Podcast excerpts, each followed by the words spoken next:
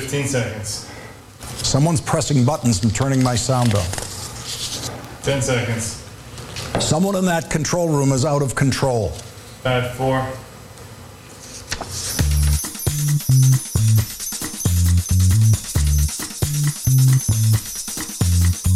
This is the TPO podcast.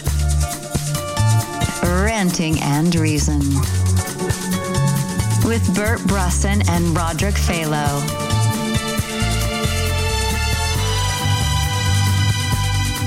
De nadreun van een verwachte uitslag van de Duitse verkiezingen. U hoort oud-correspondent Wiert Duk over het Duitsland van na afgelopen zondag. En we horen hem ook over zijn overstap van het AD naar de Telegraaf. En verder American voetballers, die zijn nog eerder dan Noord-Korea in oorlog met president Trump en vice versa.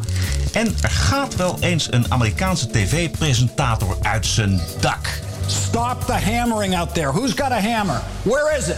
I don't know. It's on a different, Where's the hammer? it's on a different Is it on the go up on the other floor? Somebody go up there and stop the hammering. Hartelijk welkom, aflevering nummer 34 en Stop the Hammering. This is the TPO podcast. Hoe gaat het met Bert? Ik dacht dat het Trump was. Hij klinkt als Trump. Ja, maar dit is, eh, wie is dit? Dit is ehm, Lawrence O'Donnell. En die gaan we zo meteen helemaal aan het eind van de show ook Maar horen. dit is eh, eh, behind the scenes. Dit is behind the scenes. Dit is een. Denk al. Ja, hij neemt. het- Maar dit is uh, buitengewoon precair. Want het wordt dus. eh, het is dus gelekt dit naar een website. Ja. Mediate.com. Eh, dat zijn gewoon eh, opnames die helemaal niet voor uitzending bedoeld zijn. Ja. Maar eh, hij gaat helemaal uit zijn dak. En ik heb een aardige compilatie gemaakt van zijn eh, scheldpartijen richting collega's. Het is altijd geweldig. Weet je nog, die, eh daar was eh, die, die acteur die ook Batman speelt. Hoe heet hij ook weer? Christian Bale. Die had toen ook zo'n geluids, geluidsopname gelekt. Echt helemaal uit zijn dak over dat, omdat iemand de hele tijd over, over de set loopt. Maar die is daar ook door echt zo'n Oscar misgelopen en zo, vermoeden ze. We hebben nog reacties gekregen op onze uitzendingen van de vorige keer met Annabel en met Bart. Weet niet, jij was op vakantie, ik niet. Ja, nee, ik heb ze toch gevonden op, eh, op Facebook. Arvid Bakker over de podcast met Annabel. Een groot genot om de discussie te horen. Nou, hartelijk dank, eh, Arvid. Zo is het. En over de suggestie eh, het is een keer te hebben over wat goede democraten zijn. Daar wordt over nagedacht, eh, kan ik je zeggen. Heel veel likes ook weer van Julie Blik, van Tim Bijlsma, van Mirjam van Leeuwen, Sophia Wikmoor en Matanja Vogel. Ga alle likes opnoemen. Klaas Boltjes. Dit waren ze allemaal. Dit waren ze alle zes. En, en Klaas Boltjes die kwam het wel heel erg bekend voor wat Bart Nijman vorige week zei over Anne Fleur Dekker. De sociale druk op links, niet met eh, de verkeerde mensen omgang en, en vooral helemaal niet eh, iets voor ze Nou, doen, zoals stukjes schrijven voor Ik Insta. hoorde eh, dat Anne Fleur Dekker doet het eh, met eh, harde rechtse jongens van eh Forum voor Democratie. Serieus. Nee, joh, uit erop. Nee, zeg nee. Hoe weet jij dat, Bert? Roddels, Vertel. roddels, maar nu zeg je dit is een roddel. Maar ik weet wel dat ik, ik heb, ja, was niet van mij, niet mijn Tinder, maar iemand was aan tinderen en die kwam dus Anne Fleur Dekker tegen. Die zat dus, eh, op dat moment zat ze kennelijk op, eh, op eh, Monaco. Wat toch niet echt een stad is van internationale socialisten, zal ik maar mild uitdrukken. Maar ook in niets verhullende eh, rich mensen, eh, zonnebrillen, bikinifoto's en zo. En dan eh, dat je denkt van, dit is al wel een beetje twee werelden. Precies een beetje wat je verwacht. Linkse meisjes, maar als het op aankomt. inderdaad, eh, liefst toch jongens met een Rolex en zo. Zometeen natuurlijk het gesprek met Wiert Duk over zijn overstap naar de Telegraaf en de verkiezingen. TPO Podcast. Maar eerst kijken wij naar Amerika. Doen we een aantal keren deze podcast zoals eh, gebruikelijk bijna zou ik zeggen. Nieuwste traditie bij eh, de- het American Football is protesteren tegen president Trump. Door tijdens het Amerikaanse volkslied te gaan knielen of zitten. Of helemaal niet op de komende dagen, maar in, gewoon in, eh, eh, in, in de kleedkamer eh, te blijven zitten. Afgelopen weekend was het weer raak in Chicago. Trump twitterde nog meer verontwaardiging bij elkaar. En volgens Republikeinse senator Newt Gingrich zijn de voetballers rijp voor de psychiater. If they want to take all of their after tax income and give it to a left wing nutcase group, that's their right as an American citizen. I applaud them. Go ahead and be an active citizen. But don't impose on me your sense that somehow, even though you're a multi-millionaire and have opportunities almost nobody on the planet has, you feel oppressed. If, you, if, if, if you're a multi-millionaire who feels oppressed, you need a therapist, not a publicity stunt. Ik begrijp nu pas waar het over ging. Want ik kreeg zoiets mee inderdaad dat Trump boos was. En toen zag ik inderdaad een van de Latino tijdens de honkballen knielen. Dacht ik van, wa- wat is het probleem dan? Maar ze doen dat uit protest tegen Trump. Ja, het is, het is, een eh, in eerste instantie was het een. eh, het, is al een tijdje gaande. Het is, in eerste instantie is het een eh, protest tegen het gedrag van de Amerikaanse politieagenten tegen de zwarte, Oh, ja. zwarte, zwarte dader, zeg maar, of zwarte verdachten. Eh, en omdat Trump zich daar eigenlijk onverzoenlijk in opstelt, althans te weinig aandacht geeft voor het lot van zwarte verdachten, keert eh, de Ja. actie van de voetballers ook eh, tegen Trump. Maar die Newt, die heeft natuurlijk wel een punt. Eh, dit zijn eh, voetballers en honkballers die dankzij het Amerika, waar, weet je, waar ze nu zo graag eh, overheen willen kotsen, inderdaad alle kansen hebben gekregen om hun eh, talent te benutten en inderdaad een multimiljonair te worden. En eh, er zeker van te zijn dat ze zelf eh, no- in elk geval nooit slachtoffer worden. En ik zou zeggen dat als je juist, eh, als je zwart bent en Latino en je hebt zo'n positie, dat je inderdaad echt voor miljoenen en miljoenen een icoon bent, omdat je goed kan sporten, lijkt me dat juist een voorbeeld om eh, te laten zien hoe het dan wel moet. Ja. En dat doe je dus niet dan door tijdens het volkslied een beetje, eh, een beetje ja, dit is, ik vind het heel kinderachtig. Ja. Er is één Latino die eh, niet in de kleedkamer achterbleef. Dat is Alejandro Villanova. Ja. Hij is een Afghanistan-veteraan. Hij ging wel staan en ging wel het volkslied zingen. Ja. En hij wordt nu eh, door rechtse media als een soort van held Ja, eh, maar goed, binnengehaald. hij is ook Afghanistan-veteraan. Ja. Dus eh he knows what it takes en zo. Om, ja, nou, ik vind het ook echt... Ik ben ook verder niet... ik ben nooit zo... maar ik ben niet snel maar dicht van nationalistische sentimenten. Dat is overigens ook precies wat ik tegen heb... als het in, de, in die groep, in de hoek van Thierry Baudet en zo. Ik, heb, ik voel weinig voor eh, volkslied zingen... of het dragen van eh Dels Blauwe Klompen en dat soort gelul allemaal. Eh, maar je, je, je, je hoeft dan toch, je hoeft daar, weet je, je, het- je hoeft daar ook niet aan mee te doen. Dat vind ik ook. Ik ben ook, eh, ik, ik heb ook niks met voetbal. En als oranje voetbal interesseert me dat ook geen zak. Maar je hoeft dat toch niet voor de anderen dan te verpesten, denk ik dan. Ja. Ja, je hoeft dan toch niet. Maar dan moet je dus meedoen. Dan sta je dus met z'n twintig op een rij. En dan moet je gewoon meedoen. nou ja, je, je, je, kunt- je dan kunt niet, niet... je kan toch gewoon staan. Je, je bent Ja. toch niet verplicht om te zingen, lijkt me. Nee. Je kan toch gewoon dan staan, maar, daar, ik, daar, maar dat, je, je, hoeft, je kan iemand niet verplichten om, om dat te gaan zingen. Dat vind, ik, dat vind ik ook onzin. Maar als je een protest hebt tegen die president, moet je dat zeker doen. Maar tijdens een volkslied is ja, weet je dat, ja. Maar dan kijken er een miljoen mensen. Ja, maar dat is wel een beetje. Een paar miljoen. Is, ja, maar dat is, ik vind het wel echt een beetje. Oh, da- dan je land uitkotsen. Dan moet je weggaan. Ja. Kijkers die eh, eh, haken af. 13 tot 14 procent minder keken er dan de afgelopen eh, Ja, dat twee jaar. bedoel ik. Dit valt in Amerika dat niet zo In Amerika is het inderdaad een heel ander verhaal. Ja, nee, ik zag laatst ook een heel mooi filmpje van eh, een aantal militairen in. eh, waar was die tornado? In, in Houston ergens zo. Orkaan, Miami. Ja, en die reden in, in een hummer. Die stopte en er lag zo'n Amerikaanse vlag op de grond. Die stapte uit, die vouwen die vlag op en zo.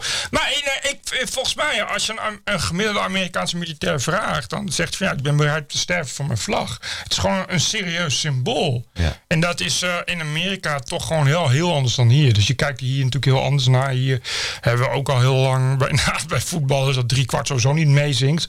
Omdat niemand überhaupt nog het Wilhelmus kent. En daarom komt Buma dus met... eh, ja, waarom laten we niet het Wilhelmus twee coupletten zingen op, eh, op scholen? Wat vind je daarvan? Eh, nou ja, dat, dat is dus ook onzinnig, weet je. Maar het, maar ik vind het is meer dat het dat wa- wat, wat Buma volgens mij bedoelt, is dat natuurlijk wel een beetje in de, in de druk van, van de linkse cultuurrelativisme ook dat Wilhelmus is weggezakt. Weet je, dat, dat is dus helemaal niemand die überhaupt een compleet, een compleet kan en zo. En dat is helemaal niet erg om dat wel te kunnen. En ik vind om dat nou op school te verplichten. Het, het past. Waarom niet? Nou ja, om. om ja, eh, de, de, boel- nou ja, ik- Kijk, in Amerika, je kunt zeggen wat je wil van Amerika, maar dat is natuurlijk helemaal een multiculturele samenleving. Maar het enige wat, wat, ze, wat ze gemeen hebben vooralsnog, is eh, die Amerikaanse vlag en eh, Ja. het Amerikaans burgerschap en nee, maar dat, dat, dat volkslied. Dat zou je ook in Nederland kunnen benadrukken. Dus, dus en we zijn allemaal onder dezelfde vlag. En daar moet, je ook, daar moet je ook iets voor doen. En ik vind ook echt dat je die vlag, dat, dat kun je al iets heiliger maken dan dat nu is. Want wat ik zeg, in Nederland is het toch wel een beetje, ja, bonton, daar een beetje, beetje olachig op te doen. Zeker. Ja, het is Over het Koningshuis. ja, en, nou, dat- je mag er best lachen over doen, maar het is gewoon wel, het is een symbool waar, waar je mensen mee kan binden. En zeker als je niet, eh, er niet bent geboren, dus als je, als je hier je een eet moet afleggen, als je inburgert, dan vind ik wel heel erg netjes als je daar gewoon normaal respect voor kan hebben. Maar ja, moet je dan verplicht elke dag het Wilhelmus gaan zingen op school? Wel, ik heb het gewoon geleerd. Het, het was gewoon in, eh, in eh, ik heb op christelijke school gezeten.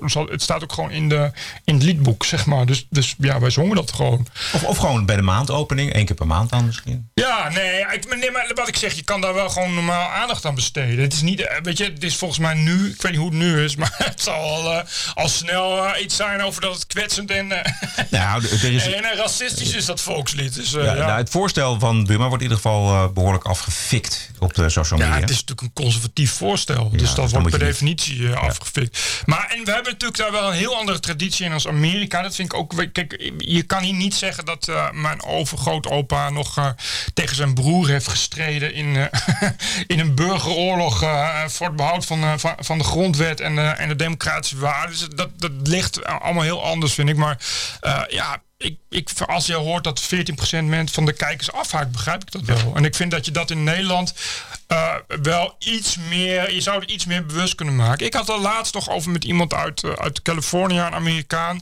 En zijn zoon is marinier. En zei ik, ja, als je hier eh, als marinier een uniform gaat lopen, dan word je gewoon uitgefloten. En hier krijg je het advies om je uniform niet aan te trekken. En dat is echt een beetje absurde gedachte. Je bent, als je daar militair bent, dan word je gewoon met respect behandeld. Omdat, ja, militair, dat zijn gewoon mensen die hun leven geven voor jou, voor jou, eh, voor jouw verdediging. Ja, het is ook een beetje wat, wat Annabel t- twee podcasten geleden vertelde over, over het Wilhelmus onder andere. Dat zij moest uitleggen aan een Amerikaan dat het volkslied tot controverse leidt in, in Nederland. Ja, nou, dat, is, dat kun je daar niet begrijpen. En dat vind ik, dat bedoel ik. Je, je moet, het, moet het wel weer zo. Eigenlijk moet je het zoveel op die manier aandacht aan besteden. dat er in elk geval geen controverse is. En ook die vlag. weet Je, hoeft niemand te verplichten om die vlag te dragen en zo. Maar je kan wel tegen mensen zeggen. Je, het is gewoon, een, het is gewoon een, belangrijk symbool. Je hoeft daar niet. Het is niet meteen. eh, ja, het is niet meteen nationalisme of zo. Weet je waar dan. Waar je dan meteen eh, iets, iets nazi-achtigs van moet vinden. Of wat Dat, dat is de associatie die onmiddellijk natuurlijk opkomt. Van, eh, als het gaat over eh, een volkslied, het, het woord zegt het al. Het, het volk, het gaat over een volk. Volk. Ja, volk. Ja, dat zie je. Nee, dan heb je dan meteen volk en vaderland. Ja, het is, ja nee, maar dat Ja, dus. dat. Het is problematisch. En Dat is dus echt problematisch. Eh, in Duitsland ook overigens nu toch over Duitsland hadden met Wiert. Ja. Of straks, Dat straks meteen, met ja. Wiert. Dan gaan we toch over Duitsland hebben. Ik weet dat ze daar inderdaad was een, eh, een conservatieve, eh, een conservatief bondsdaglid. Dat kwam in een traditionele kledij en dierendol. De, beetje zo, de- gewoon wat, wat ze bij bieren nu het Oktoberfest ook dragen. Gewoon zo'n Oostenrijkse jurkje en zo. Ja. Nou, dat mocht natuurlijk helemaal niet van, van, van dat GroenLinks, van de Groenen. Want dat is natuurlijk allemaal nationalisme. Maar de- die Groenen, die, eh, die verdedigen wel de boerka. Ja, dat, precies. Ja. Dat? ja, die traditie wel. Daar weet je maar, en, en dat is in Nederland natuurlijk ook een beetje zo. Maar daar, moet je, daar, daar zou je dus kunnen zeggen: van, nou ja, weet je, dat, dat symbool, zo'n vlag eh, eh, en zo'n volkslied, is er gewoon voor iedereen. En, de, en ook voor de mensen die boerka dragen. Die gaan het sowieso nooit accepteren. Maar dat is dus het, punt van je, van, van je symbool, van die vlag. Dat dat vaderland voor bepaalde normen en waarden staat. Eh, en regels waar iedereen zich aan moet houden, ongeacht je religie of afkomst. En dan is het belangrijke. En volgens mij zou dat heel goed zijn. Ik denk dat het heel, heel samenbindend is. Nou, in elk geval, ik heb eh, altijd elk jaar verplicht Koninginnedag moeten vieren. Ja. Tot in de treuren. Dus ik moest ook elk jaar spijkerpoepen en zaklopen en mijn fiets versieren. En? Maar ik vind wel, het heeft wel dus inderdaad die bindende functie. Dat je daar eh, in elk geval, ja, je wordt daar wel elke keer mee geconfronteerd. Hè? Want dat, dat sluit natuurlijk nauw aan op 4 die daarna komt en zo. Je wordt er wel mee geconfronteerd. Eh, ja, dat land wat er nu is, kan maar niet zomaar. Het is niet, het is niet iets wa- wat zomaar eh, ineens er is. En nou ja, die, ja ik heb dat wel. Ik heb, moet, ja, ik heb natuurlijk dus een christelijke school gezeten. Maar dan krijg je dat wel iets meer mee, denk ik. Ja, we hadden wel, weet je, veteranen die kwamen. En, Ja, eh, ja. ja. Koningendag is toch een Dus beetje ook- heilig iets. TPO Podcast. De uitslag van de parlementsverkiezingen in Duitsland. Die uitslag is in grote lijnen. Christen-Democraten verloren, maar de grootste. Sociaal-Democraten weggevaagd. Rechtspopulisten van de AFD in de Bondsdag. We praten erover met journalist Wiert Duk. En over zijn overstap naar de Telegraaf. Met Wierduk. Wiert, goedenavond. Er waren nogal wat verbaasde mensen over de uitslag van de Duitse parlementsverkiezingen van afgelopen zondag. Ehm, zat er iets in die uitslag dat jou ook nog heeft verbaasd? Eh, nou, eigenlijk helemaal niks. Misschien ehm, had ik gedacht dat die AFD het nog wat beter zou doen, maar doordat ze zichzelf telkens in de voet schieten en ruzie maken, zoals eh, nu ook alweer is gebeurd met die, dat opstappen van die vrouwke Petri.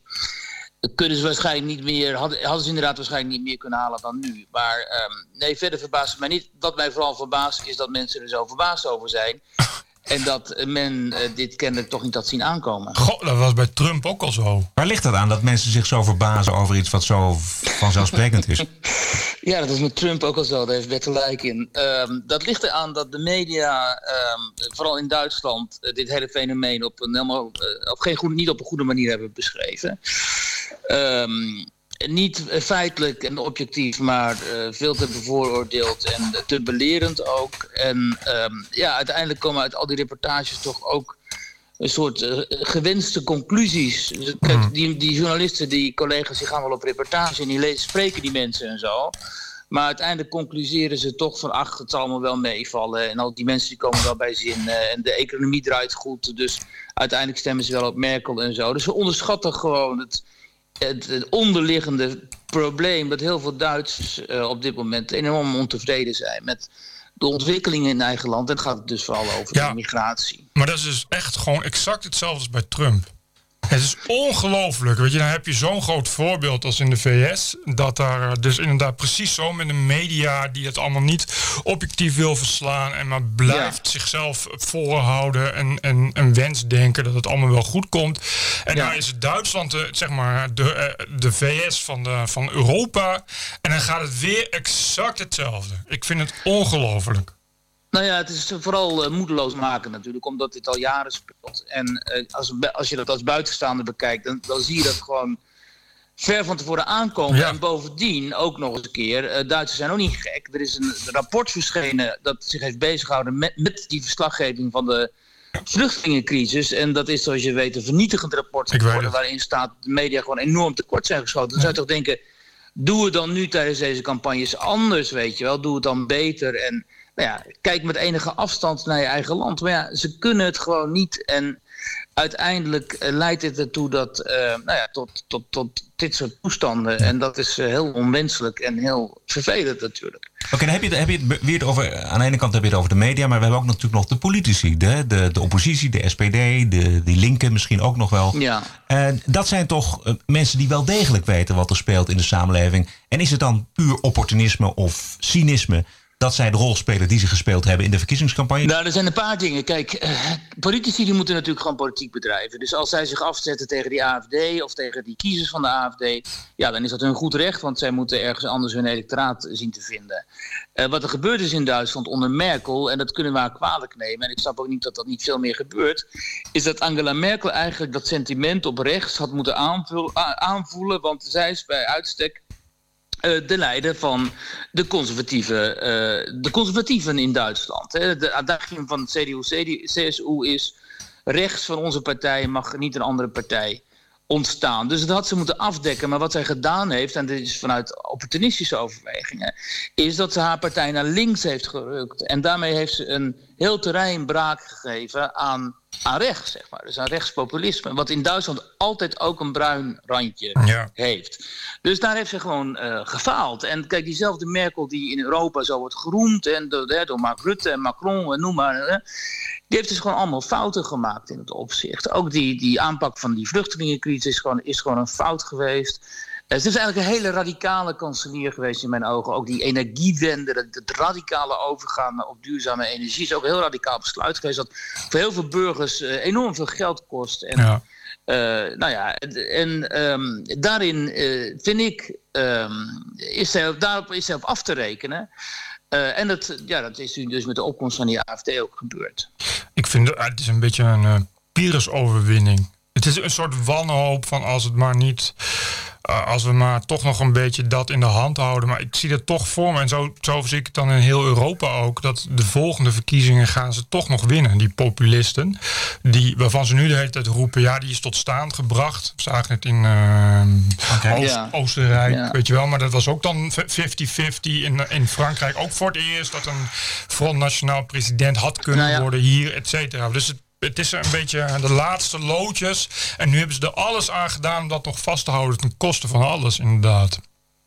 Nou, kijk maar, hoe er is, kijk maar eens naar die Schulz bijvoorbeeld. Kijk, nadat Wilders dus niet de grootste was geworden en Macron van Le Pen had gewonnen, ja, hoe kun je niet van Le Pen winnen, zou je zeggen, werd gezegd, kijk, het hele sentiment in Europa is weer gedraaid en is weer pro-Europa. Nou, Ja. dan, had, dan had dus Martin Schulz nu eh, bondskanselier moeten zijn. Als de stemming pro-Europa is, dan had deze man, die dus een links pro-Europees eh, geluid vertegenwoordigt en notabene voorzitter is geweest van het Europees Parlement, ik bedoel, hij is Mr. Europe gewoon. Ja. Had deze man in ieder geval een goed resultaat moeten boeken bij de, bij de verkiezingen.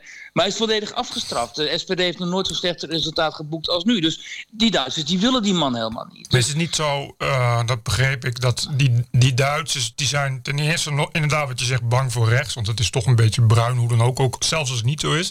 En ten tweede, ja, ze willen toch nog zo lang mogelijk stabiliteit en zekerheid. Wat je bij, dus bij, de, bij eh, Merkel goed bij zit. Maar je zou haast kunnen zeggen, als je de uitslagen nu bekijkt, als je bedenkt dat een groot gedeelte van die Merkel-stemmers eh, eh, zegt van, nou ja, dan nog maar een keer Merkel. Want Ja. dat is dan voor mij het bed dat, je, die, die, dat geloof in Europa en geloof in, in de sociaaldemocratie en, en, en de democratie zoals het nu is, is eigenlijk al wel helemaal allemaal weggevaagd. Het is eigenlijk al helemaal op. En bovendien zij, zij hebben ze natuurlijk wel ook hun, hun vraagtekens eh, gehad bij eh, de, welkomstcultuur van, van Merkel. Dus waar, waar komt dan die aantrekkingskracht van haar vandaan? Nou ja, omdat er dus letterlijk geen alternatief is. Kijk, die SPD die wist- dus niks beters te bedenken dan die Schulz naar voren te schuiven. Nou, dat is dus een catastrofe gebleken. En Merkel heeft in haar eigen partij alle kroonprinsen die ze had... eh, onschadelijk gemaakt in de loop der jaren. En dan gaat zich wreken dat iemand te lang aan de macht is. Ze gaat zichzelf overschatten. Ehm, ze heeft de, in haar omgeving de mensen die haar eventueel kon- konden bedreigen, bedreigen heeft ze geëlimineerd. Ehm, en dan raak je altijd in een soort van wankelijke situatie. Dat zie je vaak eh, ook aan het einde van de, eh, van de reign van eh, Hel- Helmut Kohl. Ehm, wat er nu zou moeten gebeuren is dat zo snel mogelijk eh, die partij wordt verjongd. Dus dat je jonge mensen naar voren schuift die veel realistischer zijn ook dan zij. En die zijn er ook wel. En bij de SPD overigens ook. En dat een jonge generatie gewoon, een modernere generatie ook. Die je wel al ziet bij de liberalen, bij de FDP. Dat die eh, over een paar jaar eh, de zaak overnemen. Want dit is allemaal. eh, dit, dit, dit is veel te wankel en te instabiel. Ehm, het CDU heeft een miljoen kiezers verloren aan de AFD. Ja, een miljoen. En de SPD een half miljoen aan de AFD. Oh, dus Even- AFD, dat is een vergaarbak van, van mensen uit alle kanten van de samenleving die ontevreden zijn. Ja. Ze komen eh, gescheurd het parlement binnen. Want Frauke Patrick die heeft eh, op de persconferentie van het AFD haar alleingang aangekondigd. En dat Ja. was voor iedereen eigenlijk wel een grote verrassing. Luister. Unter anderem in meinem Anspruch verbunden, dass ich aktiv gestalten möchte und eben Realpolitik im guten Sinne einer konservativen Politik machen werde. Für mich nach langer Überlegung zu entscheiden, dass ich der AfD-Fraktion im Deutschen Bundestag nicht angehören werde. Meine Damen und Herren, ich bitte um Verständnis, dass ich dazu jetzt auch keine weiteren Fragen beantworte. Sie haben sicherlich noch viele Fragen. Ich werde im Foyer auch noch für wenige Nachfragen bereitstehen. Ich möchte mich bei meinen Kollegen bedanken, bei Alice Weidel, bei Alexander Gauland und bei Jörg Meuthen und werde jetzt diesen Raum verlassen. Dankeschön. Also pardon, das halte Frau Petri, das finde ich kein faires Verhalten, hier auch gegenüber den Kollegen. Es tut mir leid, aber Sie nutzen das Forum der Bundespressekonferenz, um hier eine Botschaft zu setzen und verschwinden dann. Also insofern missbilligen wir dieses Verhalten ausdrücklich. Ja, totaal verraste AFD-leiding. het, het is een goedkope truc eh, om de persconferentie hiervoor te gebruiken. Maar ze doet het wel. Wat vond jij van dat moment, eh, Weert? Eh, nou ja, opmerkelijk. en ook wel weer typerend, want deze partij die gaat al jaren rollend met elkaar over straat. En eh Petri was al een keer geschoffeerd door de, eh, door de andere, door haar concurrenten in die partij. En ze neemt nu dus gewoon wraak op hen. Ehm, dat is dus alles wat je niet zou willen als je zo'n partij aan, bij zo'n partij zit en in de leiding van zo'n partij zit en je denkt daar een succes van te kunnen maken. Maar ja, dat zijn dus weer LPF-achtige toestanden die je altijd ziet bij dit soort nieuwe populistische partijen. Ehm, ik kan haar wel begrijpen omdat ze, eh ze was gewoon eigenlijk aan de kant geschoven, terwijl zij als partijleidster heel geschikt was. En het zag er op een gegeven moment naar uit dat zij het tegen Merkel zou opnemen. En dan had je een hele mooie tweestrijd gehad. Twee van die Oost-Duitse vrouwen die dan super intelligent zijn. En dan eh, als een mooi titanengevecht hadden kunnen voeren. Nou, dat is er niet van gekomen en uiteindelijk neemt ze dus zo wraak. En nu is het dus de vraag of ze mensen met zich mee gaat nemen uit die partij. En Ja, denk jij? Gaat dat gebeuren? vormen. Nou, een aantal ongetwijfeld wel. Haar man is ook, eh, haar nieuwe, nieuwe man, zeg maar, die is ook eh, in Noord-Rijn-Westfalen belangrijk voor die partij. Dus het kan best zijn dat hij met, haar- met haar meegaat en een aantal van zijn, van zijn supporters. Ehm, maar ja, je kunt er sowieso donder op zeggen dat daar in een, in een fractie met heel veel mensen, bijna 90 mensen, waarvan een groot aantal gewoon nauwelijks politieke ervaring heeft, daar gaat natuurlijk van alles gebeuren. Er zullen afscheidingen komen, mensen zullen opstappen, er gaat geruzied worden. Dat eh, kan niet anders. Dat wordt nog wel een prettige soap in elk geval de komende, komende maanden. Ja, je zult ze daar tekeer zien gaan in die Bondsdag natuurlijk. Wat ik wel heel interessant vind, is dat nou eigenlijk voor het eerst sinds jaren een echte keiharde oppositie daar gevoerd gaat worden in die Bondsdag. Het was voorheen die linken, maar ja, die linken, hè, die over migratie en integratie en zo hebben die niet echt een verhaal. Althans, wat, wat sterk was tegen, de, tegen de, de coalitie van Merkel. En nu komt er dus een heel ander geluid in die Bondsdag. En ik ben wel benieuwd ehm, eh, nou ja, hoe dat gaat klinken en ook hoe eh, Merkel daarop gaat reageren. Want Merkel kan niet zo goed tegen kritiek, dus als ze echt fel wordt aangevallen, ben ik wel benieuwd of ze zich eh, staande houdt. Het zal ja, heeft ze kansen nog, hoe werkt dat? Kan ze hierna nog een keer bondskanselier worden? Of, of heeft ze al haar Ja, maar dat gaat ze niet doen. Dus dit is echt haar laatste termijn. Dus ze kan nu ook allerlei, zeg maar, min of meer ehm, nou, onprettige beslissingen Ja. gaan nemen. Omdat ze toch elektoraal niet gaat worden afgerekend. Maar er is ook een kans dat ze over een paar jaar zegt: jongens, ik heb het wel gezien en ik ga nu iemand anders naar voren schuiven. Dus iemand als Jens Spaan bijvoorbeeld, die niemand kent. Of eh, Karl Theodor zu Gutenberg, voormalig minister van Defensie, die in ongenade was gevallen, die is weer terug. Dat zou een hele interessante figuur kunnen zijn. Ja. Eh, de- de kiezers hebben een ruk naar rechts gemaakt. Eh, gaan we dat ook zien de komende vier jaar in Duitsland in de politiek? Nou, ik denk het niet, omdat eh, Merkel dus een coalitie zal aangaan met FDP en Groenen. Dat is eigenlijk de enige werkbare coalitie als de SPD eh, blijft zeggen van wij willen niet. En eh, dan krijg je niet per se een rechtser beleid, misschien liberaler wel. Maar niet zozeer cultureel rechtser, zeker niet met de Groenen. Omdat die Groenen, ja, dat- dat is, die zijn hyper pro-Europa, pro-open grenzen, eh, pro-multiculti, noem maar op. Al die, al die dingen. GroenLinks van Duitsland. Dat is gewoon GroenLinks en dan nog eens een keer een factor, eh, nou ja, heel veel daarbovenop. dus eh, ja, dus dat wordt nog wat. En of, die, of zo'n coalitie überhaupt standvastig kan zijn, dat is ook nog maar de vraag. Hoor. Dus we zijn in ieder geval, heel anders is nu dat Duitsland politiek veel instabieler is dan voor deze verkiezingen. Ja. En dat is wel interessant om te zien. Oké, tot zover de Duitse verkiezingen. Now for something completely different. Je maakt de overstap van het Algemeen Dagblad naar de Telegraaf. Waarom naar de Telegraaf? Nou, omdat eh, Paul Jansen, de hoofdredacteur van de Telegraaf, eh, met mij in gesprek raakte en mij een aanbod deed om eh, een vacature bij hen in te zullen.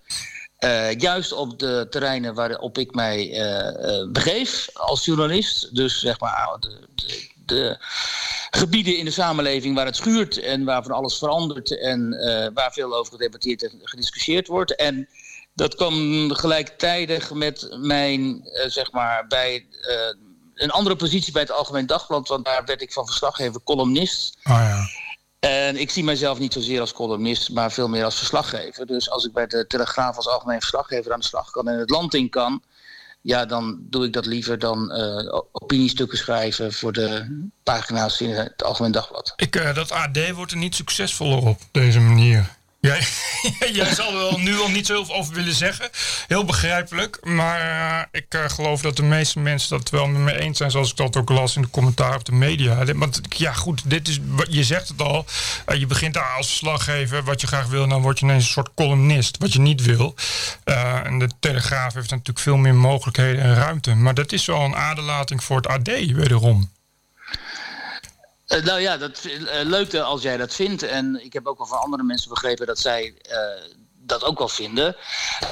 Maar ehm, ja, dat is niet aan mij natuurlijk om, dat, Nee. om daar iets over te vinden. Wie het was Ik was niet ontevreden bij, met mijn rubriek. Ik had een, leuke rubriek bij het Algemeen Dagblad... waarin ik de stemming peilde in Nederland. En dat vond ik heel leuk om te doen. Dus ik was er niet ontevreden over.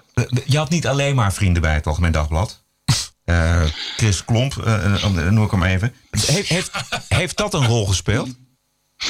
Eh, nee, dat lijkt me niet. Eh, met Chris, Chris Klomp noem je iemand die wel eh, tamelijk, eh, eh, laten we zeggen, eh, hoe, hoe zeg je, querulanter is op social media tegenover heel veel mensen, ook tegenover mij. Dat vond ik nooit zo verstandig om je eigen collega's eh, op social media aan te vallen.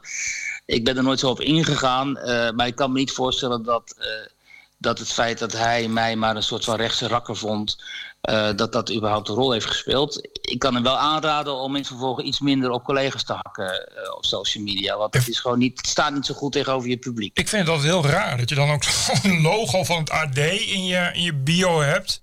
En dat je dan toch, ja, wel hele sneu dingen zegt Twitter.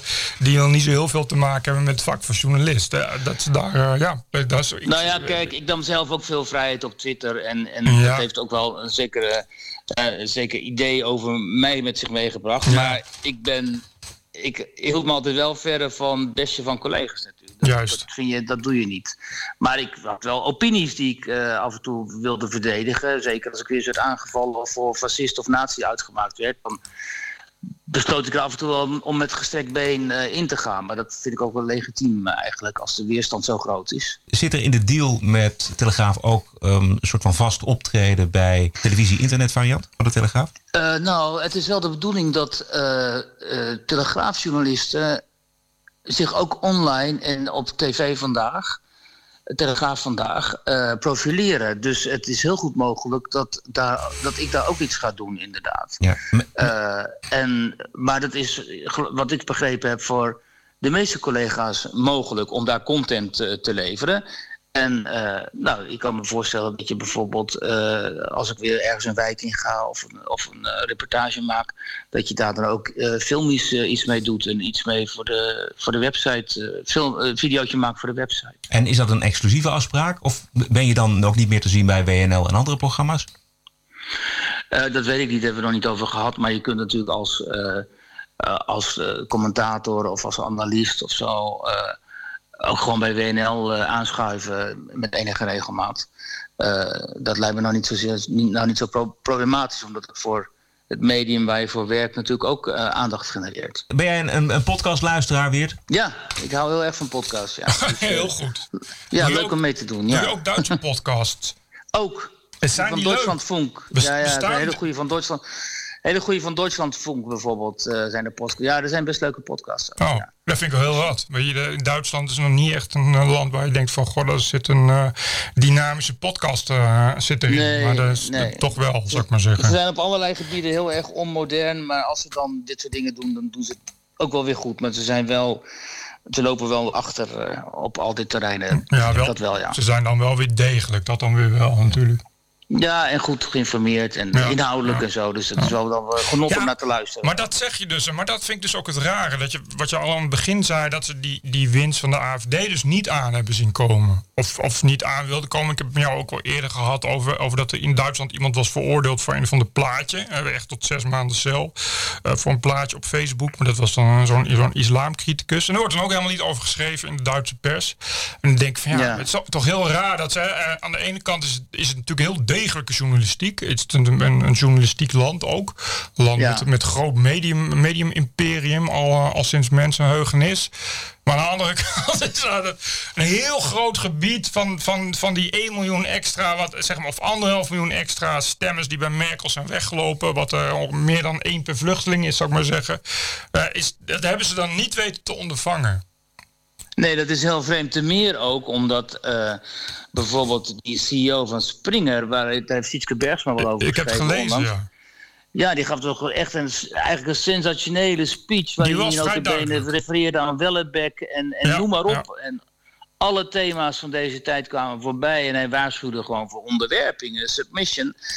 Dus, dus het wordt wel gezien. En dat is ook het mooie aan Duitsland altijd. In de talkshows zitten er ook mensen waarvan je ziet... ja, ze zien het wel, ze begrijpen het wel. Ze zijn intellectueel, hebben ze het in de gaten Ja. allemaal... en kunnen ze het Ja. analyseren. Alleen het wordt niet politiek omgezet. Het wordt ook niet mediaal omgezet. Hoe kan dat ze- nou?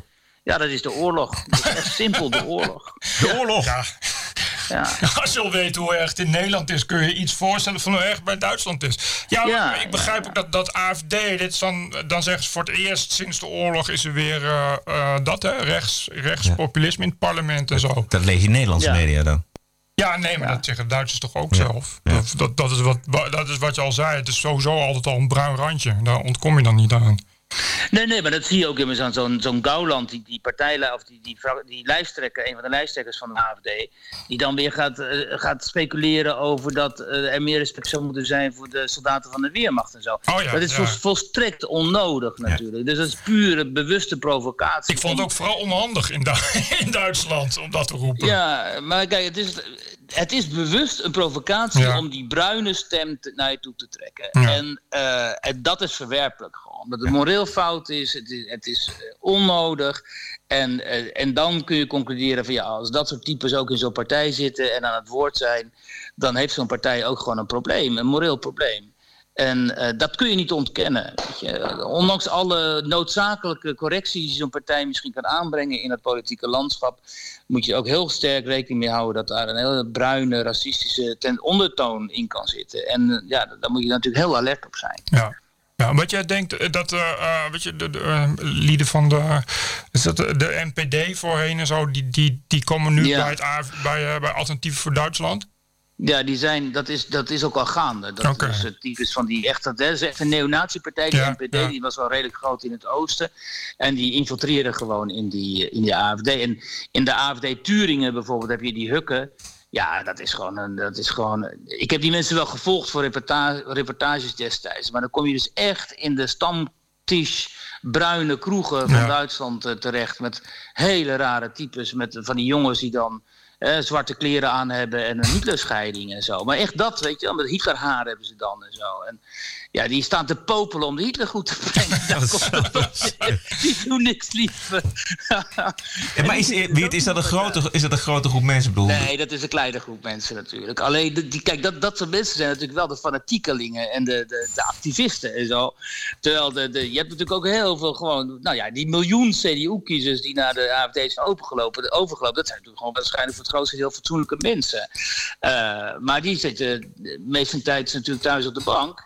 Terwijl die activisten die gaan naar die cafés, naar die bijeenkomsten en die, die, die staan daar elkaar op te hitsen. maar weet, weet zo'n AFD-leiding dan niet dat ze misschien wel meer schade berokkenen aan de eigen partij door dat soort oproepen te doen? Het is dus een bewuste provocatie. Dat kun je dus die Gauland kwalijk nemen. wat, wat, wat levert het hem op dan, als, als, als het zo- zo'n kleine groep is? Ja, de, eh, geloofwaardigheid bij die groep.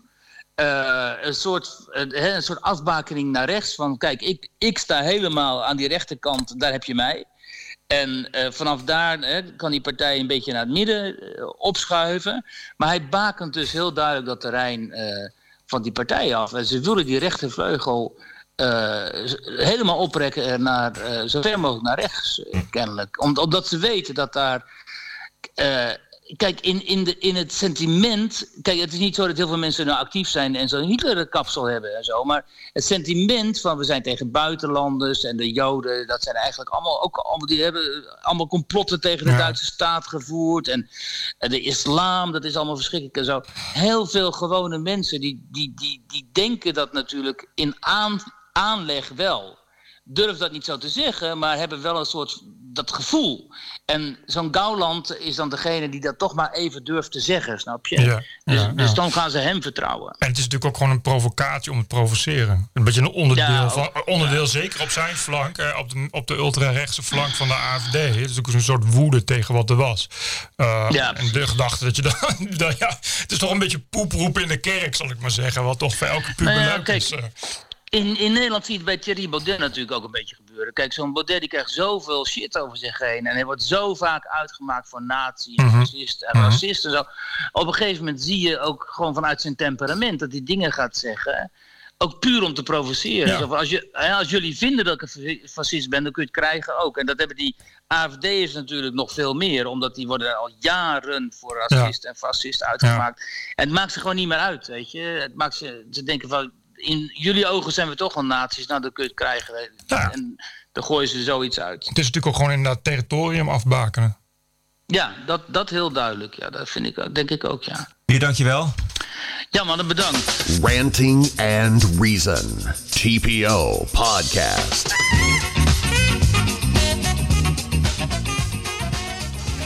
We hadden het voor de uitzending eventjes over het eh, aanhoudende gerucht. En de petitie die inmiddels al is eh, opgestart om eh, oud GroenLinks fractievoorzitter Femke Halsema buiten de stopera te houden. Waarom blijft dat gerucht zo hardnekkig? Is dat eh, de schuld van eh, Geen Stijl en van TPO? Of Nee, helemaal niet. Nee, die, die, die petitie die kwam eh, online en dat degene die maakte stuurde ons door. Maar de reden dat die petitie gemaakt is, omdat volgens mij, ik weet niet wie daarover had, had iemand anders had er ook alweer. Oh nee, dat was inderdaad toen Van der Laan eh, dus zich ziek, ziek meldde voor goed. Eh, toen werd er dus in de pers geschreven over dat je hebt de Roger van Bokstel, Alexander Pechtel bij de D66 en Femke Halsema staan op de op nominatielijst voor burgemeester. maar is die er al, die nominatielijst? Nee, dat is dus allemaal wel gerucht en zo. Maar ik hoorde al twee jaar geleden ook al dat mensen zeiden ja, Femke Halsema. En het is Maar natuurlijk wel een gedoodverfde kandidaat, omdat het wel echt een GroenLinks bastion is. En zij ook uit eh, Amsterdam komt. Ja. Dat het een nieuwe PvdA-burgemeester wordt, die kans is klein. Omdat de Partij van de Arbeid heel erg veel verloren heeft. VVD komt niet in aanmerking omdat die al in Den Haag en Utrecht zitten volgens mij. Ja. En vervolgens, eh, ja, dan blijft dus over eh, GroenLinks PVV, BVV-burgemeester Nee, dat gaat in Amsterdam sowieso niet gebeuren. Martin Bosma. ik denk dat eh, Martin eh, wel eh, gaat solliciteren. Ja, dat lijkt Hij me zeker. komt wel uit Amsterdam, althans uit de buurt van Ja, hij woont in Oost gewoon. Maar eh, nee, de, nee, dat is zinloos. Nee, maar inderdaad- sowieso, je weet, kijk, Amsterdam is natuurlijk een, een plek waar... eh, Hij is wel een goede Kamervoorzitter trouwens. Hij zou ook een goed burgemeester zijn. Hij is inderdaad goed. Maar, maar eh, kijk, je kiest voor Amsterdam sowieso iemand met, met, met de juiste bestuurlijke ervaring. Ja. Eh, en- Komt Femke Halsema dan in ja, dat zou ik ook denken. Ik dacht het niet. Ik zou ook, ik zou, als ik moest kiezen, zou ik ook liever voor, voor Pechtold gaan. Weet je, die Ja, is maar al daar- burgemeester geweest. Ja, al ook ja, een maar eh, lange kamer. Die bestuursfunctie heeft Femke Halsema helemaal niet eh, gehad. Dus die ervaring heeft ze niet. Eh, dus daarmee valt ze toch al af. Nee, ja, zo werkt het niet. Hè. Ja, iedereen kan burgemeester worden ook. Dus het heeft natuurlijk ook te maken met hoe, hoe iemand ligt in de, in de, bij, de, bij de achterban. En verder lijkt het me vooral een soort partij, kartelpolitieke eh, proces van achterkamertjes en vriendjes. En eh, ja, het is, eh, de bur- commissaris Koningin is Johan Remkes volgens mij toch? Het Ja. is de VVD'er. Ja. Die, maar goed, dat is, dat is gewoon zo'n oud, eh, oud fatsoen liberaal. Dus die zal eh, met alle drie prachtige lijntjes hebben. Eh, maar de gemeenteraad beslist daar toch ook over? Die draagt iemand voor en dan moet de commissaris eh, eh, beslissen, begrijp ik. Ik dacht dat het andersom was. Maar Oh, nou goed. Dan, maar ja, eh, weet je, kijk, eh, de gemeenteraad hier is zo links als de neten. Dus, het, eh, dus eh, het zou me niks verbazen als dat Femke Halsema ook wordt. Maar ik vind, ik zou, ik- qua eh, eh, ervaring zou ik dat wel raar vinden, ja. Hm. Want kijk, Van der Laan eh, kwam natuurlijk ook gewoon uit de Kamer. En die was ook al heel lang succesvol advocaat. En dat zijn, was toch iemand waarvan je wist, dat is wel iemand eh, waar je wat mee kan. Ik weet eigenlijk niet hoe, Cohen kwam ook uit de Kamer of niet. Weet je, het zijn toch, dat zijn toch echt wel oud-gedienden waarvan je al echt wat weet ook. Eh, en, en het is gewoon Amsterdam, hè? het is geen Hilversum. Ik bedoel, kijk, Pieter Broertjes, maar goed, dat is Hilversum. Heel veel, Kijk, heel veel van die, eh, eh, van die middelgrote provinciesteden zijn natuurlijk cadeautjes voor een kroon of je carrière. Maar lang genoeg ergens zit als hoofdredacteur van de krant of in de Kamer. Amsterdam is natuurlijk wel echt een serieus andere. Dus daar wil je wel echt ook iemand die, die iets, iets kan. Alhoewel, eh, ze hebben toen ook Pieter Hilhorst als een hethouder gemaakt. Dat duurde ook niet lang. Dus goed, je weet helemaal niet eh, hoe dat afloopt. Maar aan de andere kant, kijk, Femke Halsema zit- die is eh, heel lang in de politiek al. Hè. Dus dat is ook niet, moet je niet onderschatten. Die is wel echt vasthoudend en heeft dat toetsen aan de grondwet en zo. Heeft ze echt jaren over gedaan om, dat, om dat uiteindelijk door te krijgen, bijvoorbeeld. Dus ja, je, het is geen. het zijn, het zijn het is geen onmogelijkheid. En Alexander Pechtold? Mm. Ja, dat is natuurlijk een ideaal geknipte kandidaat. Want dat is iemand die, eh, ja, die wilde nu premier worden. Dat gaat hij niet worden. Eh, Dat zou die nooit gaan worden natuurlijk. Dat Nee, met dat, zo'n maar klein dat was, partijtje. het, dat was de droom. Uiteindelijk. Daar, dat is, is waar hij uiteindelijk allemaal voor gewerkt heeft. Eh, minister wil hij ook niet meer. Dus dat, dan is Amsterdam eh, ideaal. En ik denk dat een hele goede burgemeester zou zijn. Hij is natuurlijk ook al burgemeester geweest van Leiden, van Wageningen. Ja. Hij heeft dus al heel veel bestuurlijke ervaring. Zoals burgemeester en als minister en als Kamer. Dus qua cv is dat natuurlijk wel de beste. Blijf jij in Amsterdam als hij het wordt? Eh, nee, maar ik ben sowieso. Ik, ik, eh, ik eh, binnenkort mijn huis kopen, half oktober. En nou, die is snel weg, want Amsterdam.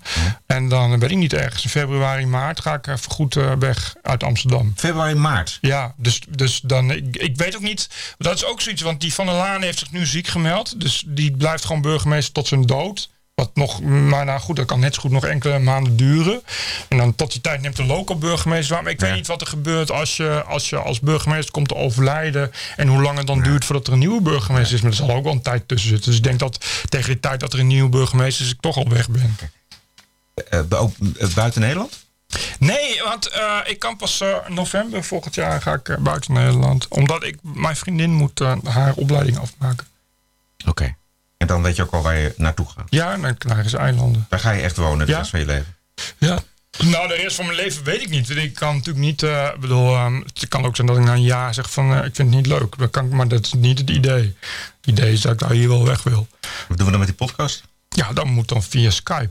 Maar dat kan, want eh, Adam Curry doet het ook met die, met die bejaarde man. Die, die, waar die de hele tijd, waarvan ik altijd... Ik is nog niet bejaard. Nou, hij klinkt heel bejaard. Maar ik dacht altijd dat hij gewoon naast hem zat. Maar die, die zit ook gewoon via Skype te lullen. Dus het klinkt gewoon eh, perfect. Alhoewel je dan wel een goede internetvinding... Maar daar zorg ik dan voor. Heel En graag. Daar ga ik dan eh, wel voor zorgen, zodat ik wel kan blijven podcasten. Heel graag, Bert. TPO Podcast.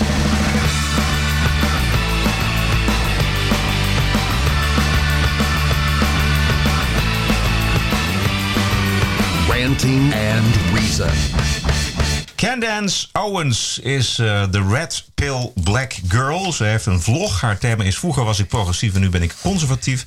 En hoe is dat zo gekomen en waarom word ik elke dag bevestigd in die keuze? We hebben er volgens mij al een keer eh, eerder laten horen. Ja, toch? De vlog is opgemerkt door Fox News. En Ja. eh, zo kwam ze afgelopen week daar aan tafel. Een van de vragen was waarom de democraten zo vasthouden aan identity politics. We keep voting Democrat and expecting different results. And in every major city where Democrats are running, like Chicago, it's a complete mess. I mean, it's an absolute disaster. And they make these false promises so that we, you know, they secure our vote with all of these false promises. And the second that they get into the White House, they do absolutely nothing for African Americans but make sure that we remember that we're black so they can play the same identity card the next election cycle. So when you tell your friends, uh, do you still have liberal friends, or once you became conservative, did they disown you? I, I literally had to shed my cocoon and become a butterfly. I lost a lot of friends along the way. Well, that's not very nice. Yeah. No, they should have stuck with you if you guys were true friends. Well, you know how liberals are. They are the most accepting people in the entire world. Unless you think differently than them, then they have the right to kill you. Ja, dat, dat, dat. ja, heel goed. Nee. Zij is zo goed. Ja. Maar dat is waar. Sowieso, democraten die zouden bijvoorbeeld nooit, eh, nooit gaan seksen met minderjarige meisjes. Noem maar eens wat. De keurige democraten doen dat niet. Die Anthony Weiner, bij, bij 22 maanden of zo, heeft hij gekregen. Ja. Komt ze nog een keer, deze Red Pill Black Girl. But when you tell your formerly liberal friends this isn't working, maybe be more open minded to a President Trump or conservative candidates, what do they tell you? It's not really possible because they're so caught into this victim mentality and they're so sure that everyone's going to die unless you fight, you know, this way or believe this train of thought. I don't really tend to have those conversations. I just say, this is what I believe, and I watch them spiral and I walk away. When you hit your liberal friends with facts and say, listen, this is how it's been in these Democratic strongholds for decades, and the quality of life isn't getting better, incomes aren't improving, things are staying the same, what do they say? Facts are incredibly insulting to liberals. You have to understand that. Okay. And I say all the time, facts don't care about your feelings. Yes. And that just sends them into a more downward spiral. So you cannot hit them with facts. That's the worst thing you can hit them with, actually.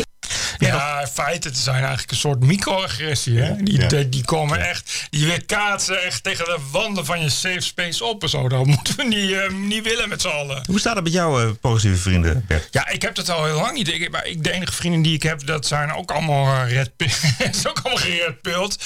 Uh, en, en ik moet wel zeggen dat we, ja, weet je, als, als we bij elkaar zijn, zijn we gewoon blij als we bij elkaar zijn. Omdat we dan even, ja, voelen het toch alsof we extra ademhalen. Dat je even met z'n allen gewoon weer leuk kan zeggen wat je wil. Want het is elke keer moeilijk. Het, je merkt wel dat, ja, uh, ik, ik, ik, moet wel zeggen dat, dat als je dat al lang genoeg doet, zoals ik, dan uh, weet je op een gegeven moment wel uh, welke, bij welke mensen gewoon niet politiek correct hoeft te zijn. Zoals er zijn taxichauffeurs en kappers.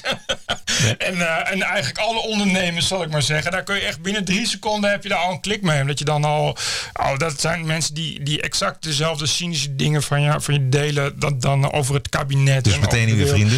Maar eh, ja, ik, ik heb bij, bij, eh, bij progressieve mensen moet je altijd oppassen. Dat is altijd. eh, ja, ik doe het dan met humor. En ik heb, kan, mij kan het natuurlijk niet zoveel, schelen, niet zoveel schelen. En je merkt wel dat veel mensen dat. die zeggen dan van. Oh, weet je, dat is toch een beetje. Ja, wat je, wat je bij cabaret ook hebt. Dan is het. Het is wel oh, maar ook wel weer grappig. Want ze herkennen dat natuurlijk wel. Maar ja, je kan dan niet. niet nee, het zou er niet. niet ja, vrienden worden. Zo moeilijk soms. De, ik, en ik- je wordt er wel voorzichtiger van. Ik heb wel als mensen iets willen. Ook, ook uit de media, een interview of zo. wil ik al eens weten ja, wie het dan zijn. En eh, ja, hoe, hoe, wie zijn, waar, waar gaat het over? En eh, ja, want anders dan eh, zit je al snel in een soort, soort fuik waar je niet meer uitkomt. En dan kun je Ja. alleen nog maar verantwoorden voor dingen waar je helemaal niet voor wilt verantwoorden. Omdat het ook helemaal niet hoeft. Maar ik ben een beetje voorzichtig geworden. Ik was op Mallorca en daar kwam ik iemand tegen. Een bekende van een bekende van een bekende. Een Nederlands meisje wat daar woont. En eh, die had het over, eh, nou, Mallorca, dat ze het hartstikke leuk vond. Maar dat ze Palma wel heel erg wit vond. Toen dacht ik, eh, dacht ik hé, wat dat bedoel je? Toen zei ze, ja, ik kom zelf uit Rotterdam. Maar, dus ik moest wel heel erg wennen aan Palma, dat Palma zo wit is. Palma. En toen dacht ik, ik dacht, ik, ik wilde daarop ingaan. Ik dacht van, ja, wat maakt het je uit? Wat, wat, is, is dat een probleem? Ja, maar en waarom valt het je op? Ehm, en toen dacht ik, ik, ik doe het toch niet. Nee, Dus ik- want dat doe ik dus ook. Om- Maar het punt is het wel, op het moment dat je dat merkt, weet je, ik kan wel op ingaan, maar dat heeft, weet je, dan kom je in een discussie waar je, die je niet uitkomt. Sorry, omdat feiten er verder niet, niet toe doen, dat is, wordt het alleen maar erger van. Eh, en ja, dan is ook het leuke gesprek voorbij. En dan, ja, weet je, je bent op vakantie, dus ga je dat niet doen. Punt is dan wel dat je, ja, ik, ik heb dan al snel, oké, ja, doei. maar je, je merkt al snel dat je eigenlijk Je haakt niet- af. nou, het punt van dit soort mensen is. ehm, al die culturele shit en die identity shit, die, die is een, een, eh, een breekpunt. Dat is ook dan het eerste wat ze vragen. Is, en ze gaan ook als, dan als, dat soort mensen gaan ook als eerste vissen van, de, van wat vind jij ervan? En denk ja, ik, vind, ik vind het helemaal niet erg wat, dat jij dat allemaal vindt. Voor mij, wat mij betreft kunnen we er gewoon omheen lullen. En dan kan ik uren volhouden. Maar wat jou betreft niet. Jij wil heel graag... eh, weet je, maar, wat erger vind ik... is dat... ja, er is niet een discussie mogelijk. Die mensen die bepalen voor jou al dat je het ook zo moet vinden. Ja. Dus die zeggen ook niet van... wat vind jij ervan? Die zeggen nee, natuurlijk vind jij dat ook niet. Nee. Nou, mag ik daar zelf... eh, Ja, ik, zo heb ik, eens- ben ik eens een keer uitgenodigd met mijn vriendin bij iemand. Eh, ben ik één keer geweest. Dat waren eh, ook weer vrienden van ons, maar dat was, heeft, was van, van zeer korte duur. En op een gegeven moment ging het helemaal mis. Maar drie keer raden over welk onderwerp. Israël. Oh, ik dacht islam, maar de, Israël. Ja, is, ja, daar, kun je, dat dat daar, kun je geen, eh, daar kun je geen nuances in maken. Dus- Ik ga nooit naar feestjes, eigenlijk ook om die reden. Maar als ik er wel ben en ik, ik kom iemand tegen die dan meteen laat, eh, laat weten anti-Israël te zijn, ja, dan loop ik gewoon weg. Ik ga er niet op in. Omdat, Ja, maar soms, soms gaat het gewoon geleidelijk. Dan ben je, heb je het over. Een dan zeg je van, nou, oh Israël, dan zegt ze dan, daar ben ik, heb ik eh, gewoond. Dan zeg ik, nou, daar ben ik ook geweest. Ja, maar ik, ik ga nooit, want ik kan dat niet. Maar als je in discussie gaat, dan, dan fok ik mezelf ook alleen maar op. Ten eerste. En ten tweede, ja, dat heeft verder geen zin om. om eh, je krijgt er alleen maar ruzie van. Dus wat heb je daaraan? Weet je, ik, maar ik ga ook niet echt verder met die mensen, want dan heb ik het wel weer gezien. Als ik, dat is dus wat ik bedoel. Ik ben nu wel zover dat ik, dat ik per definitie zeg wat ik wil. Ik ga ook niet daar heel politiek correct om doen, want het kan me verder niet schelen. Ik heb verder helemaal niks te winnen bij die mensen. Dus dat is ook zoiets, je moet eerst heel lang. En dat is natuurlijk wel heel moeilijk als je ineens geredpild wordt. In de wereld van blue pills eh, heb je gewoon geleerd om op een bepaalde manier een sociale vaardigheid te hebben. En dat het heel belangrijk is wat mensen van je vinden. Dat, daar, dat is iets waar ik al tien jaar geleden al wist dat ik dat alles wilde. Dus ik kan een beetje zeggen wat ik wil. En ik heb daar inmiddels ook wel een beetje een aparte positie in nemen. Dat mensen ook kunnen zeggen, ja, maar goed, dat is Bert Brussen. Dus die, zegt dat, nou, die kan het ook zeggen. Dus dat scheelt ook wel. Eh, maar ja, ik, ik, ik ga niet, weet je... Als ik dat dan zeg en het mag niet, ben ik ook snel klaar. En als ik dat niet doe, dan... Want dan, dan ik, jezus. Ik heb wel eens lang geleden eh, eh, een one-night stand gehad met iemand, met een meisje. Met een meisje. Maar die, eh, die sprak dan later, no, spraken nog een keer af. En toen bleek dat ze het heel erg vond dat ik die ochtend was weggegaan... en het koffiekopje niet terug in de keuken had gezet. ik heb de rest van de avond alleen maar lopen zeiken over koffiekopjes. Weet je, ik trek dat gewoon niet. Dus ik vind echt, als het mij te dom is en zo, dan kan ik alleen nog maar heel cynisch over die mensen zeiken. Dan ga ik gewoon elke tien seconden zeggen van, eh, is dat, eh, heb je je koffiekopje al... eh, ja, ik zie, het zit wel een biertje te drinken, maar is het wel, geeft dat geen kring op de tafel? Nee. Dus- dus dat, weet je wel. Ja, ja, precies. Maar even, even, even buiten het koffiekopje om. Eh, heb je dan nooit meer een, een, een echt gesprek met progressieve mensen? Kijk, echt progressieve mensen, ja, dat weet je wat je, wat je is. Maar je kan eh, zeker met, met social justice warriors en zo, daar kun je Nee, niet een gesprek mee gesprek voeren. Maar dat zijn ja, al die U- UvA-millennials, die kun je beter gewoon mijden als de pest. Het is verder echt zinloos. Het eerste wat die doen is vragen van, eh, van stem je, heb je, zou je Trump stemmen? Weet je wat dat? Ja. Ja, dat. Nee, maar ik, hij Mavis, die is in Nederland, die woont in L.A. En Ja. die zegt ook van, ja, ik, ik kom bij elk feestje waar ik kom, is, is, zeggen mensen, woon ja, L.A., oh, eh, V van Trump. Weet je, alsof je, alsof je, alsof je in Amerika woont, waar toch eh, 320 miljoen eh, mensen wonen. alsof je daar iedereen Trump zelf is of zo. Weet je wel, dat. dat je, ieder- Wat zegt hij dan? Ja, dan zegt hij ja, dan zegt hij van ja, moet je hem Trump vragen. Ik Wil, wat, wat vind je van Trump? Ja, ik, ik, ik ben, eh, hij heeft er wel gedoneerd aan Trump ook. Maar eh, nee, maar weet je, de, ja, b- je bent Nederlander. Wat heb je met Trump te maken? Ben je wel eens geweest? Nee. nou ja, hij dus Wat wel, toch? want hij heeft Ja, nee, gedoneerd. hij wel. maar maar- dat, zegt hij dat dan ook tegen die eh, ja, mensen? ja, nee, goed. En dan is de boot aan. Ja, die heeft ook regelmatig ruzie. Ja, maar goed, net als ik. Dus, maar dat is iemand waar, als hij in Nederland is, dan drinken we veel bier. Dan zijn we ook blij dat we even eh, leuk adem kunnen halen. Maar in LA heeft hij daar geen last van, uiteraard.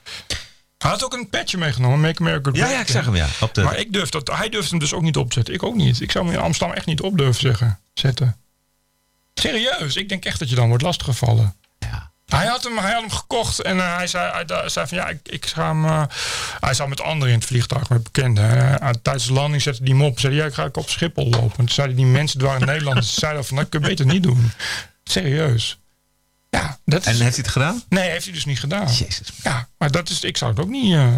Het was, ik vind het wel een goed idee. We kunnen wel iemand een keer met zo'n petje eh, eh, geven. En dan met een verborgen camera. En dan filmen wat de reacties leuk. zijn.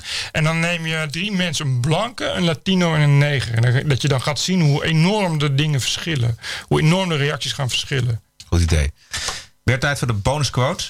Die is eh, deze week van een Amerikaanse tv-presentator van de linkse eh, tv-zender MSNBC. Lawrence O'Donnell is een man die avond aan avond het gemunt heeft op Donald Trump. Iedere beweging, ieder woord van de president wordt op een goudschaaltje gewogen. eh, met maar één reden om te laten zien wat een hork de president eigenlijk is. Nu is er een opname van deze presentator gelekt naar de website mediate.com. Daar laat O'Donnell een ander geluid van hemzelf eh, zien en vooral horen als hij wordt afgeleid door berichten in zijn oortje en door iemand met een hamer even verderop in het pand.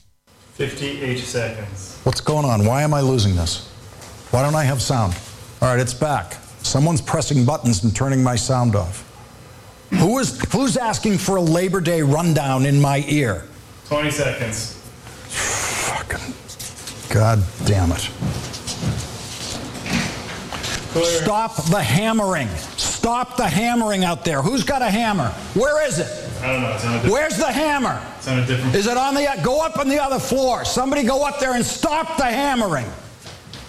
Stop the hammering. I'll go down to the goddamn floor myself and stop it. Keep the goddamn commercial break going. Call fucking Phil Griffin. I don't care who the fuck you have to call. Stop the hammering. Fuck Fucking out of control shit.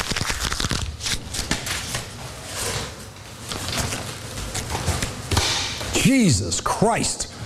Crazy fucking sound coming in my ear, this fucking stupid hammering. I told you why I wanted those fucking words cut. It just fucking sucks. It fucking sucks to be out here with this out of control shit. Any fucking thing can come into my ear at any moment. That's what I know. Anybody can get into my fucking ear at any time. Some woman talking about what we're doing after the show. Fucking guests' faces coming up in the middle of a fucking script. Uh,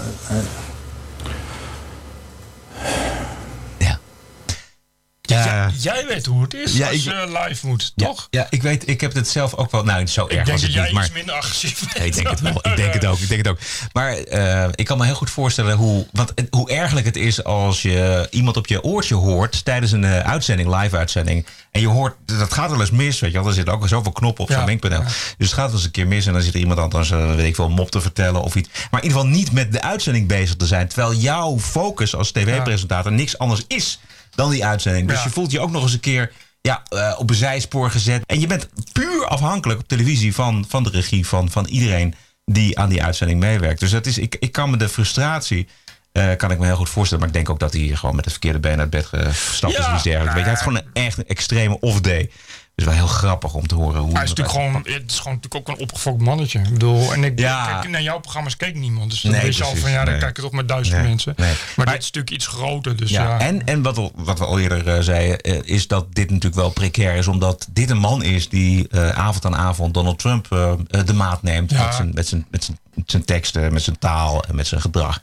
En nu eigenlijk zelf ja, laat zien dat hij Maar ja, laat het, ook wel behoorlijk van dik hout zaagt men planken is. laat het meten met dubbele maten. Vooral over aan eh progressieve. Want eh, Ja. dat gaat altijd uitstekend. Heb je nog eh, andere zaken die wij moeten bespreken, Bert? Maar, eh, oh, wat ik nog wel... eh, ja, Ja, zeg maar, het is maar. echt te stom voor... Het is echt te treurig voor woorden. Maar ik ben eh, echt al die kut-NPO's zo zat inmiddels. Ja? Van de week weer Hans Laroes. Oh ja. Die dan echt over, over de overstap naar Viaduct heen kotst en zo. Dan ben je goddomme eh, interim hoofdredacteur journalistiek... bij de integere christelijke eh, verbindingsomroepen KRO en CV. Maar het lukt je gewoon niet om normaal te reageren Nee. op Twitter. Ik heb, ik heb er iets van meegekregen, maar ik was op vakantie. Dus help me nog even herinneren. Wat, wat zei Hans Laroes dan over de overstap? Ah, nou, dat eh eh, eh, Viaduct nu eh, eh, als iets met ratten laat het zinkende schip. En dan gaat nu, eh Viaduct gaat nu de Telegraaf oplagecijfers eh, laten kijken. Heel triest, echt heel triest allemaal.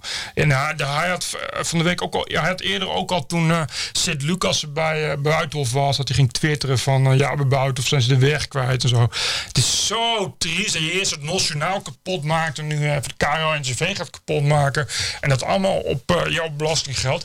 En vandaar, en, en is nu bij RTL, vind ik wel een goede rel. Eh, ik geloof dat die AD-columnist Nienke de Jong is daarmee begonnen. Die schreef van ja, dat, dat eh, RTL begint ook een beetje in zichzelf verkeerd arrogant soortje te worden. RTL 4? RTL 4, ja. En daar heeft ze helemaal gelijk in. Omdat het, vooral, ze hadden het eh, over, over Boulevard en RTL Late Night. Ja, dat is ook een beetje een soort NPO 2 aan het worden. Met allemaal fatsoenlijke mensen en moralisten. Die elkaar eh, eh, op de schouders slaan over hoe fantastisch ze wel niet deugen. Zeg maar, maar tegelijkertijd denk ik van komt er ook nog een keer inhoud. En alleen nog maar dezelfde eh, inhoudsloze BN'ers en zo. Die dus inderdaad elkaar op de schouder gaan kloppen over hoe fantastisch ze wel niet deugen. Tegelijkertijd uh, Humberto Tan, waarvan iedereen weet dat die vreemd is gegaan. weet je wel, die dan inderdaad doet alsof er niks aan de hand is. Daar, eh, Nee, maar wa- wat heeft dat ermee te maken? ja, nou ja, op- voor RTL, RTL 4 kijkers de- is, weet je, is dat dus, weet je, komt dat enorm hard binnen, kan ik je vertellen. Wat? Ja, de, de, zo'n... Een, een, een- Iemand die vreemd gaat? ja, maar da, da, da, er zitten, al- zitten voortdurend doen overal ja. gasten die vreemd gaan. Wat maakt het uit? Nou ja, omdat dus daar die moraal heel hoog wordt gehouden. Maar als ze dan zelf doen. Ah, dat en dat, niet. Nee, maar dat is al begonnen bij eh Erland Galjaard, de programmadirecteur van RTL 4. eh, die met Wendy van Dijk. Was Wendy van Dijk? Ja, maar wacht nou eens even, Bert. Wat die mevrouw van het AD ook schrijft, dat heeft er toch helemaal niks mee te maken dat, er, dat het publiek vindt dat er presentatoren of dat er eh, gasten of zenderbazen Wel, eh, niet van partner mogen wisselen. Nee, dat je zou zeggen dat, dat. Ik vind het ook niet erg. Ik bedoel, Humberto mag doen eh, met wie hij het wil. Of dat nou Dionne Staks is of uh, Annegien Steenhuis van mijn part, weet je. Of, uh, of iemand van uh, RTL Nieuws of zo, weet je. Die in New York.